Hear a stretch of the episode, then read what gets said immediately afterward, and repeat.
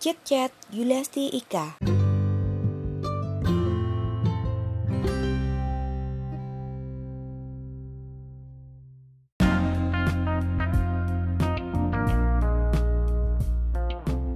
Hai para pendengar Cicat Yuliasti Ika, kali ini eh, kembali kita akan ngomongin tentang finance ya dan aku nggak akan siaran sendiri karena udah ditemani sama kepala program dari Digital Business Management. Eh, beliau juga spesialisasinya di bidang corporate finance dan investment. Kita mau kenalan dulu dengan Pak Andi. Silakan Pak Andi. Barbar gitu sih. Wow, sambutannya wow. Wow. Oke, terima kasih. Halo guys. Hai guys. Ya, jadi gimana nih, Bu? Kita mau ngomongin tentang investasi nih Pak Andi. Jadi Oke, oke. uh, beberapa waktu yang lalu tuh saya udah ngobrol-ngobrol sama mahasiswa dan mereka ini mahasiswa baru. Oh, dan oke. saya tanya-tanya ke mereka, ternyata mereka tuh sudah melakukan pencatatan keuangan walaupun itu masih sederhana. Hmm, hmm. Nah, itu berarti uh, mereka sudah mulai ini ya perhatian terhadap keuangan mereka karena sampai dicatat kan biasanya kebanyakan kita cuma ingat-ingat habisnya berapa sih bulan ini, tapi mereka tuh sampai dicatat dan mereka lakukan evaluasi terhadap pengeluaran bulan sebelumnya. Oke, oke. Nah, eh, kita akan ngobrol hari ini tentang pentingnya investasi sejak mahasiswa. Oke.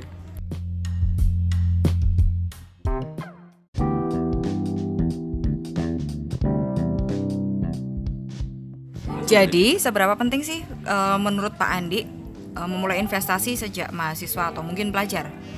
Eh, sebetulnya sekarang itu ya terutama di era ketika masyarakat udah mulai melek finansial ya, eh, investasi dari awal tuh penting banget. Kayak, Apalagi kalau kita ngomong investasi itu lebih awal lebih baik. Kalau bisa kalian mulai dari SMP, SMA gitu, nggak usah nunggu kuliah. Dan eh, kalau kita ngomong investasi itu karena sekarang lebih mudah kan, nggak harus kalian punya duit jutaan. Besar. kalau dulu kan memang kita Kalau harus dulu uang yang emang besar iya ya, gitu Pak, karena untuk investasi kan syarat di pasar modal ya misalnya itu harus punya duit minimal 300 ribu lah atau 500 ribu gitu. Bahkan untuk buka rekening aja eh, kita minimal butuh duit sekitar 500 ribu.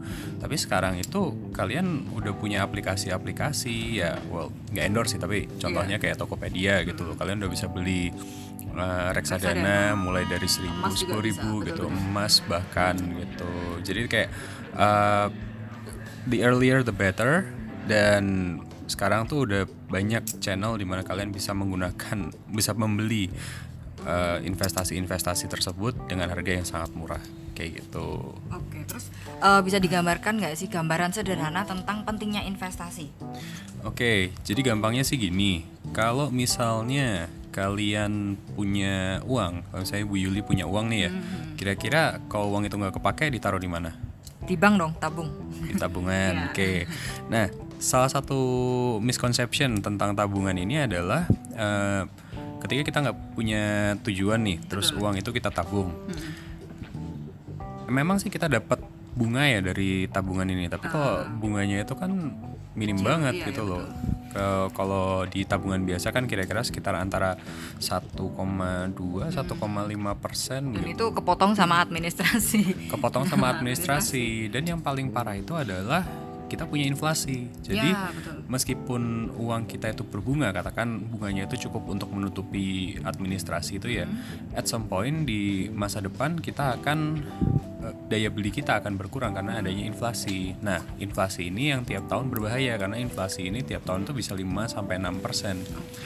Nah, itulah kenapa kita penting untuk mulai berinvestasi.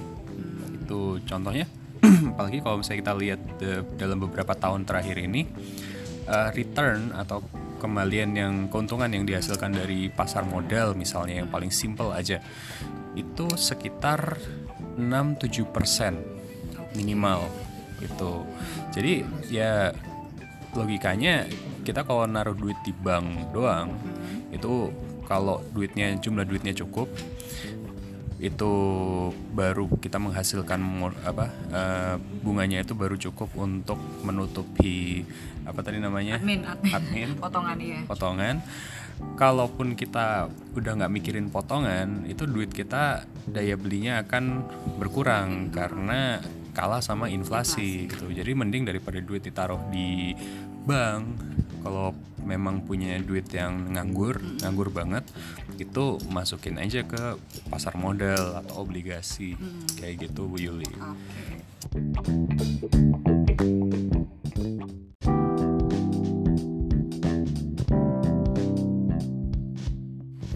Apa aja sih instrumen-instrumen investasi yang bisa jadi alternatif buat mahasiswa atau pelajar? Kan waktu itu sempat saya dengar juga ada program yuk nabung saham juga ya Pak Andi. Oh iya.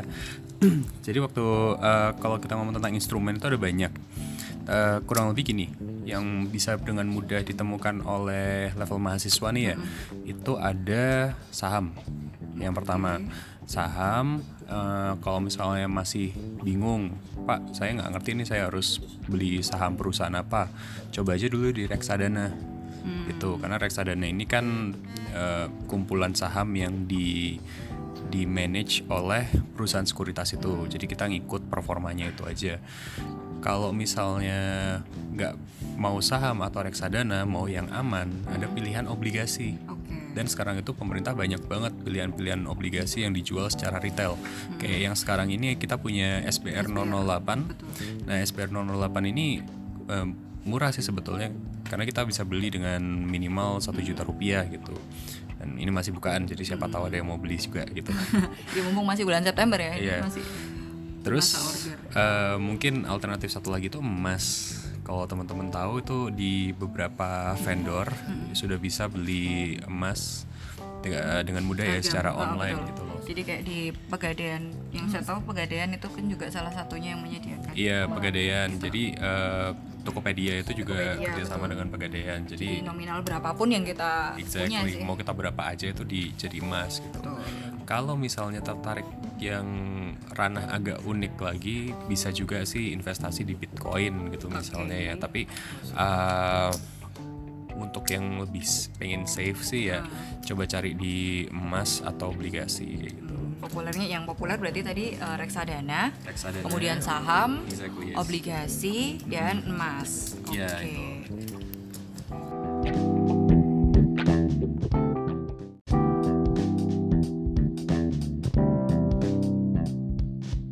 Oke, jadi kalau menurut Pak Andi, mana sih yang Pak Andi rekomendasikan eh, mungkin terkait dengan karakteristik dari masing-masing instrumen investasi itu tadi ya? Sama eh, kalau buat mahasiswa dan pelajar ini kan mereka pendapatannya belum belum berpenghasilan sendiri, mereka masih dari uang saku. Idealnya berapa persen atau nominal atau apa ya porsi yang dialokasikan untuk investasi sih seberapa?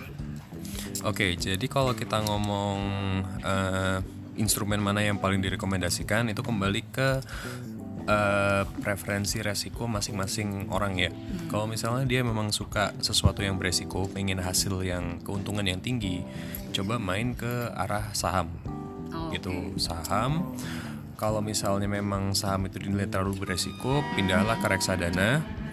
Kalau reksadana masih pun terlalu beresiko, ya pindahlah ke obligasi atau emas gitu. Itu jadi eh, urutannya ya, urutan Iya. resikonya tadi ya. Heeh, jadi paling beresiko, paling menguntungkan itu saham, High risk, high return nih. ya high risk high return. Jadi kalau misalnya pengen untung lebih ya harus ambil resiko yang lebih tinggi. Mm-hmm. Eh, saham, reksadana, terus obligasi dan emas, kayak gitu.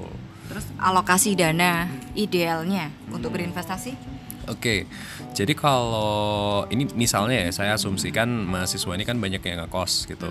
Kalau kos kos eh, mahasiswa yang tinggal di kos kosan itu biasanya kan dari 100% uang yang diberikan orang tua atau sponsor dalam sebulan biasanya sekitar 40% sampai 50% itu habis untuk tempat tinggal Ya, gitu betul. biaya hidup lah kurang lebih kayak gitu nah berarti kan masih sisa kurang lebih 50% katakanlah ya 50% ini eh, biasanya sih 20% nya ditabung idealnya ya 20% ditabung terus mungkin tergantung habis itu em, ada yang kayak 20% nya lagi itu dipakai untuk eh, hura-hura Biaya pergaulan. Iya, pergaulan gitu.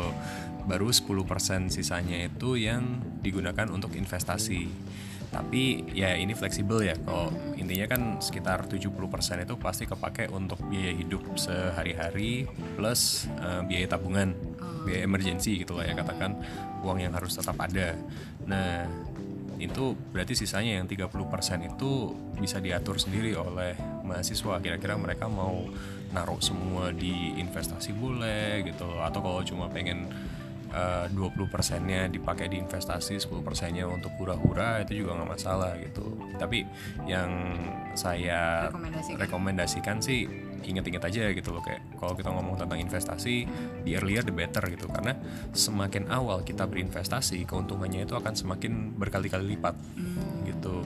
Kalau hari ini kita naruh 100 ribu eh, terus ternyata besok atau bulan depan naik 10% misalnya ya. Kita beli saham 100 ribu ternyata bulan depan harganya naik 10% berarti kan uang kita jadi 110 ribu kan.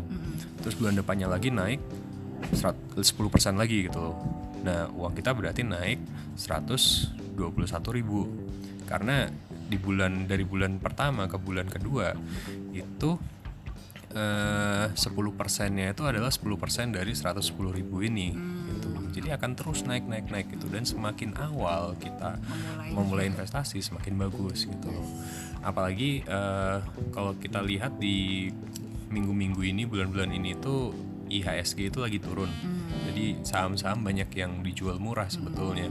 Kalau misalnya ada yang pengen loncat masuk ke bursa saham saya rasa sih minggu-minggu ini itu adalah tepat ya waktunya waktu ya. yang lumayan tepat gitu. Itu Yuli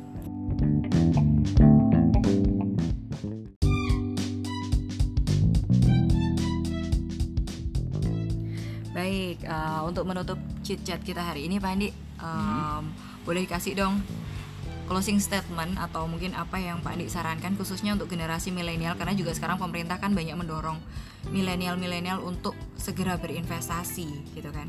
Kalau dari Pak Andi sendiri gimana? Eh, Oke, buat milenial-milenial Milenial dan kolonial mungkin kalau ada yang dengerin. atau kolonial.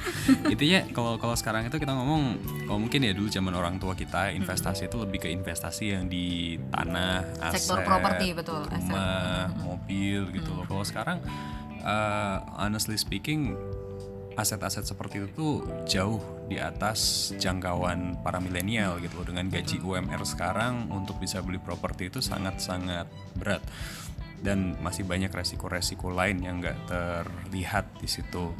Nah, kalau saran saya sih cobalah lihat-lihat ke instrumen investasi lain gitu. Kalian mau investasi di mana pun, yang penting yang pertama itu aman, legal dari sisi legalitasnya ya, dan yang kedua eh, kalian melakukan investasi gitu.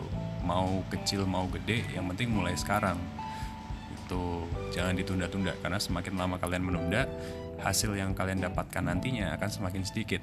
Kalau saya boleh saran sih kayak eh, goalnya itu bukan hanya untuk kaya tapi untuk eh, kalian harus bisa investasi supaya kalian bisa pensiun lebih dini. Ah, udah mulai banyak kan sekarang yang pengen pensiun umur 40 tahun Iya, gitu. betul, jadi di awal-awal tuh kerja emang terus lalu diinvest diinvest diinvest gitu. Hmm. supaya nanti waktu umur 40 tahun eh, duitnya udah berapa miliar gitu secara nggak sadar. Nah jadi kayak gitu. Oke, jadi seperti senada dengan apa yang disampaikan oleh Robert Kiyosaki ya, ya bahwa kita yang akan menentukan kapan sih kita mau pensiun dan salah Exactly. satunya investasi itulah yang akan jadi penentu kita. Betul. Oke, terima kasih banyak untuk waktunya Andi. Oke, Sukses untuk sama-sama. program studinya. Next time kita akan Sama-sama. ngobrol-ngobrol tentang digital business management. Oke. Boleh, boleh. See Oke. you. Thank you. Thank you. Bye-bye. Bye.